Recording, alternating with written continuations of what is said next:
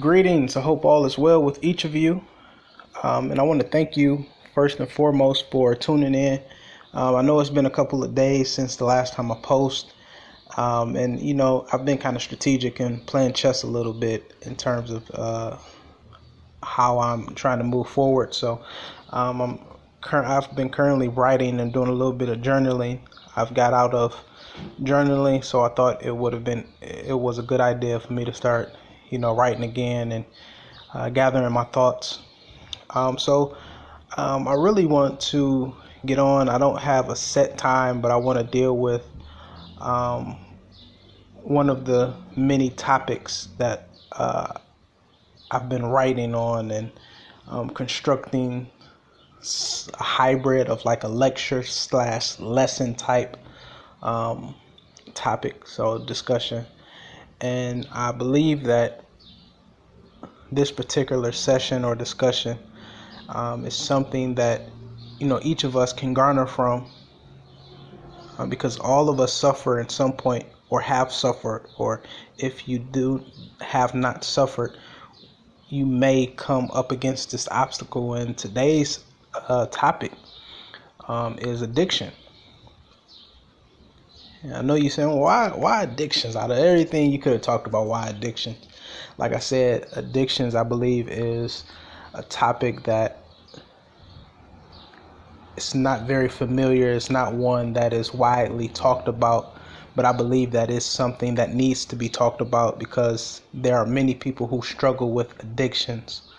Um, and and just to get this subject, you know, going, I'm, I'm just gonna go. But addiction stems from uh, a Latin word which means to give oneself over to or to surrender to.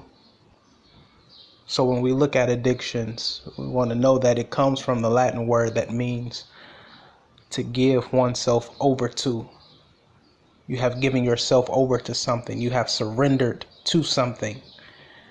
And um, to give you a simple definition as to what addictions is, uh, addictions can mean any substance that has the ability to alter the mind and or the body. So anything you know that has the ability to control us can be an addiction. For example, um, you know, here we dealing with a lot of opioid overdoses. So it's an opioid epidemic, and now um, the health department is trying to figure out ways in which we can minimize uh, those who get addicted to this drug. So you have op- op- opioids, you have narcotics, cocaine, sedatives, um, alcohol is an addiction. Um, even though it is a legal substance, you can get addicted to this particular um, substance. Uh, pornography is something that you know people don't talk about. That it, it's you know lustful images that people deal with these things. They, they they become addictions. They become something that we surrender ourselves to or give ourselves over to. Food you can binge eat, binge watch TV. Um, social media has even become an addiction um, for many reasons, and I, am going to deal with some of the pros and the cons of um, social media actually being an addiction. Um, video games and gambling; these are all addictions. These are all things that humans have the ability to give themselves over to, and when dealing with uh, addictions, it starts off so minute. It starts off like a seed where at some point in time a person before they become addicted to whatever it may be drugs, alcohol, video games, media, whatever you start off saying I have control over this. I have full control. I can handle this. This thing doesn't have control over me. And as you continue to indulge and engage these many substances, you begin to find out that what you thought you had control over now has control over you. And it's crazy because we never intend to be addicted to any of these things.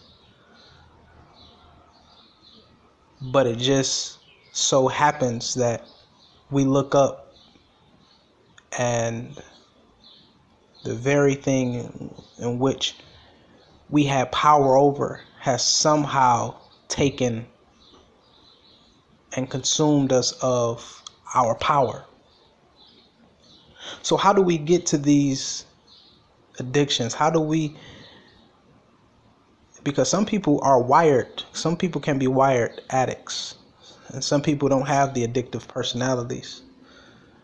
But what I've discovered is that many addictions, people are addicted, they, they become addicts based on trauma. Something has happened. Um, and now, to cope with what has happened, you turn into something, you turn to something that you think will medicate you for the moment. So you think about the alcoholic who continues to drink. You have people who drink to escape their reality or escape some trauma that has taken place when they were a child, when they were younger, when they were uh, in in their you know childhood. You know something. The the root of an addiction stems from a trauma that has taken place, and to deal with what has taken place, we turn to a drug. People get on heroin and drink and you know medicate themselves because they want to escape that time in which they was molested somebody inappropriately touched them and because they didn't know better then to escape the memories that haunt them they began to drink and take narcotics and you know fall under this turn themselves over to this addiction. And I believe that we must begin to educate our, you know, children on how to, you know, speak up when, you know, things of molestation. It's not this this lesson is not solely on molestation. This is just one of the examples in which I want to use to talk about how what triggers someone to become an addict. People suffer from neglect. Maybe your uh, your your parent guardian walked out of your life at an early age you will you're looking for the love and the nurturing from a parent but that parent you never got it because that parent was never there. So you begin to cope with the love in which you wanted all your life the acceptance that you wanted. And let me tell you this, my you know, something that I was taught that a child needs at least these five essentials. A child needs to be loved, a child needs to be nurtured, a child needs to be respected, um, a child needs to be protected, provided for, and educated. These are things that child children need, um, and these are some of the things that if they're broken and if the child does not get these things, um, they're more susceptible and prone to engage in uh, addictive activities. So because you because you did not get the love that you were supposed to get, this is going back to the neglect I was talking about. Because you didn't get the love that you wanted from a parent, you began to look for acceptance. So you search for social settings and circles um, and you engage with friends because you're want, you're chasing this acceptance, you're chasing this love. So people embrace you, and, and you get into a crowd who do who does drugs. So to be accepted and to um, embrace this love in which you really don't know what love is, but to, because you're chasing this love, you say, okay, I'm gonna engage in this activity and what you thought was a one time thing, you look up and you lost five years of your life because you have been drinking and sexing and doing all of these uh, all of these things. So you know you have to be mindful and know that you know addiction usually comes from trauma traumatic experiences losing a loved one hardship. You can lose a loved one um, and because you've lost this individual you're trying to cope with the fact that that person who was always present is no longer in your life. So you turn to these um, substances or you know you you start binge watching. You know you can binge watch tv to escape your reality um, hardship. You, you cannot be sometimes you find ourselves not in a financial to be financially stable and not to have the the money we think we should have. So we begin to binge watch TV to escape our reality because the TV show in which uh, we are watching um, begins to create a false reality. So we what we see on TV begins to come become our lives and we get engaged in these different TV shows and we start to think that we're a part of these TV shows because our reality really hurts and if I turn the TV off, I really have to face my reality. So to escape, I'm gonna turn on another episode of CSI or I'm gonna watch another episode of Power or you know, I'm gonna find something that I can watch that will take my mind off of my current reality. There's just some of the things I'm just going over, um, you know, that plays a major role as to why people become addicts. You know, we all become addicts at some point. We're dealing with something. We are trying to escape something or um, social media. Let me talk about the social media piece. Social media um, has can be an addiction um, because it allows. I, am gonna be honest. I, I was listening to Drake. Drake just dropped a CD and I can't think of the song. It might be a song called "Emotional," "Emotionless," where he talks about he knows a young lady who goes on a trip, goes on vacation, and takes all of these pictures. So she comes back home after going on this amazing vacation, taking pictures, um, different sceneries, you know, but she doesn't post the pictures immediately. She waits some months down the line um, and then she posts the picture so she can make the people in which she's trying to impress on social media um, so she can impress them which in in all creates a false reality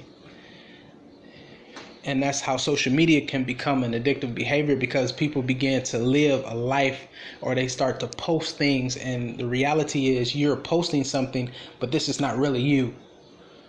So people are chasing false popularity. People are posting pictures for likes. I'm gonna post this picture now and prayerfully i get 250 likes. So now i'm popular via social media and instagram and facebook and snapchat. But the reality is you're not really who you are because you're hurting. If you were to turn social media off, you're hurting. And it's something I've been struggling with because about a couple months ago, I came to what I have now arrived to know as being spiritually awakened. Whereas I've come, I've grown so authentically and genuinely comfortable with who I am that I begin to see the mask that other people put on. So I see people who are chasing false crowds. I see people who are chasing false realities. I see people chasing popularity. I see people trending and trying to fit in. But then I really I get a chance to see the vulnerable state of an individual it hurts me because at some point I don't immediately address it, but I see it. And it's like, I see you're hurting and you're trying to live this life that you're not really who you are.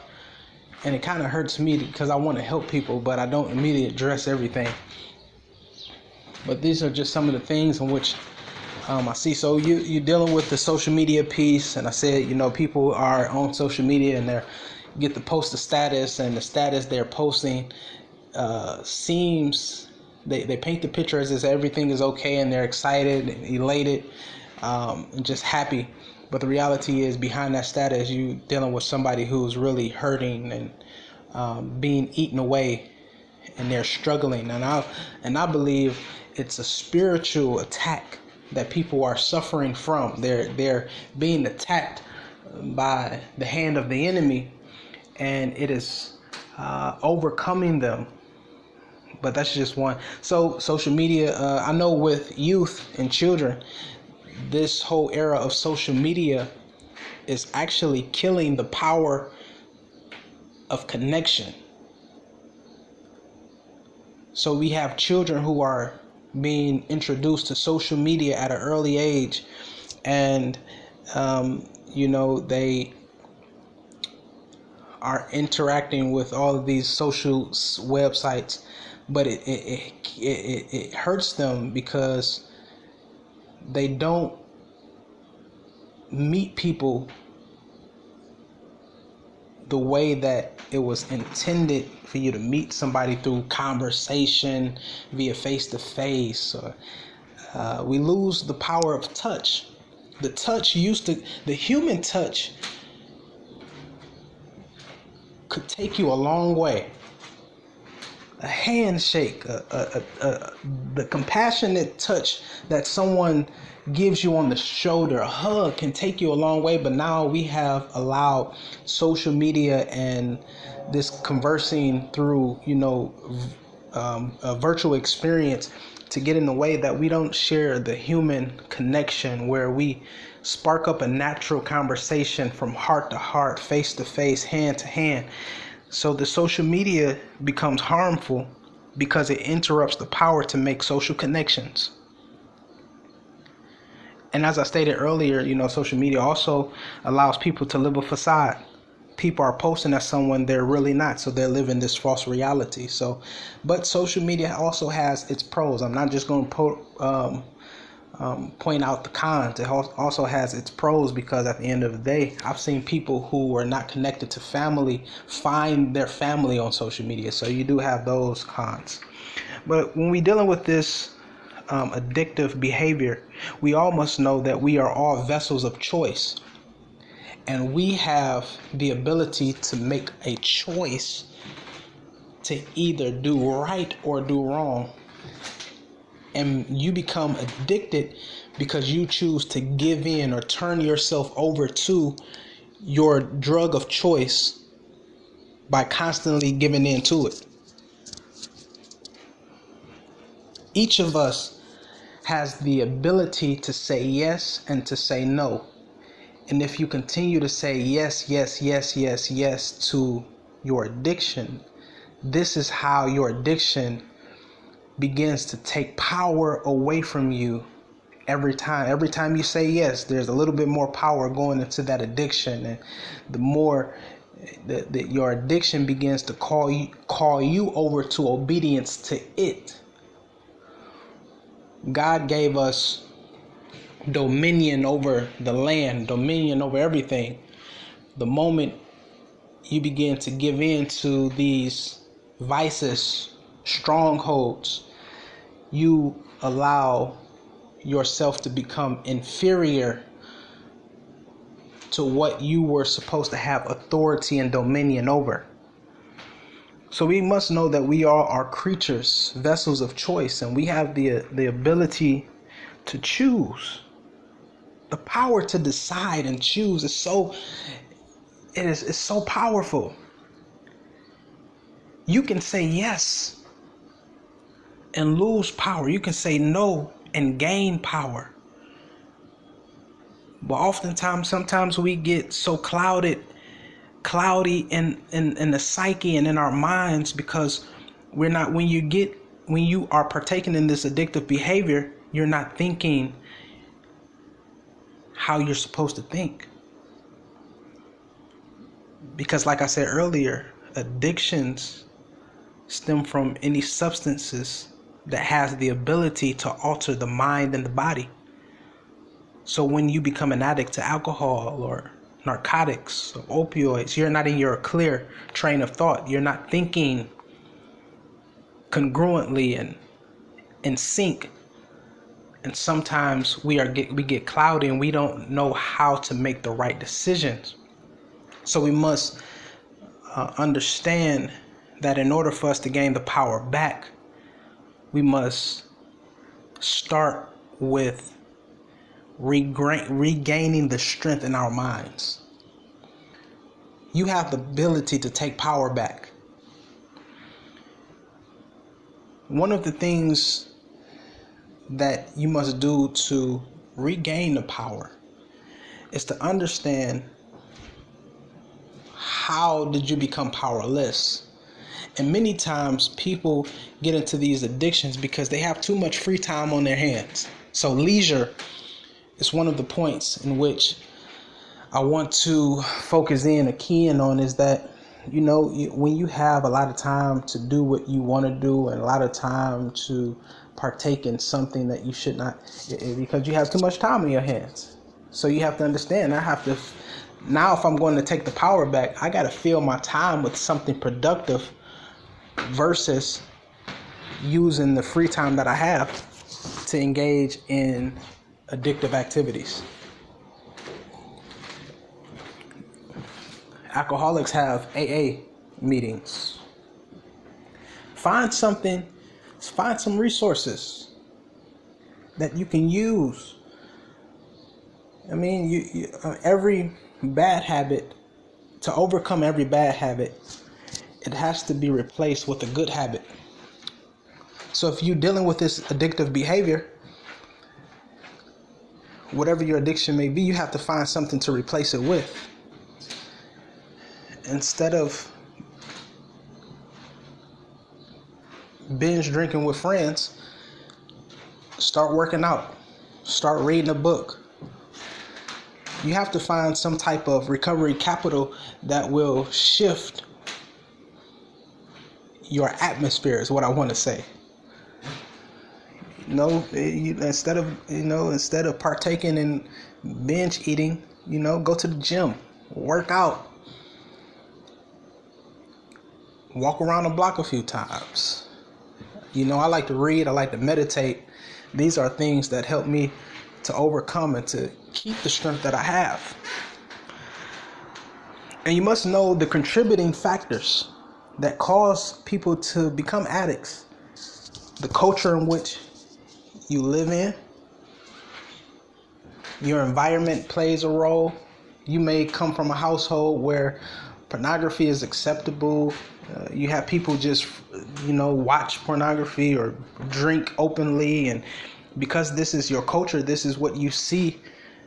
Um, nine times out of ten, you're more susceptible, more open to actually engaging in these addictive behaviors. So what you have to do is change your culture.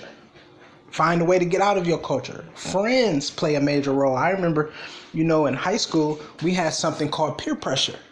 To be popular, to be one of the accepted, you had to partake in what the majority was doing. You know, if the majority was smoking weed and you wanted to be liked by that certain crowd of people, you had to engage in that activity. You know, so it's just, you know, keeping it real um, because I believe with the authenticity of my spirit that somebody is going to overcome. And understand that to regain your strength, you have to shift your focus. I know people, you know, point out that you can be an addict and that all of this stuff has stripped you of your power and that people have labeled you and called you a crackhead. People called you a drug addict. People called you alcoholic. People called you a sex addict. People called you and labeled you all of these things and they're not realizing that every time you label every time they label you they're taking some power away from you. Every time they label you they're placing the stigma on top of you. And every time you walk out you're uh, followed by this stigma. You're followed by these labels. These labels come with definitions. Now you're defined by each of these stigmas and labels, and it's demeaning and it hurts you and it oppresses you and it puts you in a fetal position. You feel like you don't have any power. But I want to tell you, you have to shift your focus on not what people say, but what God says about you. Shift your focus to what God says about you. God has a love that so much so loves you that he's willing to redeem and deliver you out of the mess that you're in. And you can get the power back. Focus on the love of God and surround yourself with people who love God, who know God, who knows God's word. Because God's word says the Lord leads with unveiling, unfailing love. His love will not fail you. The Lord leads with unfailing love and faithfulness all who keep his covenant and obey his demands. So that, yes, you may have messed up yesterday, but I'm here to tell you that the hiccup, the obstacle, yeah, you tripped and fell yesterday, but you do not have to stay now. It's about getting up. It's about getting up, looking towards the hills, looking towards God for your strength. And I promise you, you can get your strength back because God cares and He does not want to see you this weak. He does not want to see you this inferior.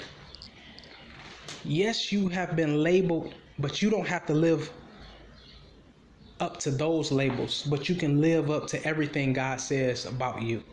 And God says you are fearfully and wonderfully made. And that sometimes life hits us in different ways and we encounter life in different ways and it catches us off guard. And sometimes it throws us off the path in which we're on. But i'm here to tell you that with god you can get your strength back. With god you can get back on the right track. To overcome your addictions you have to change your circles. There are some circles that you are around that remind you of getting high, of getting drunk, of watching certain things you should not have been watching. So you have to be able to change your environment.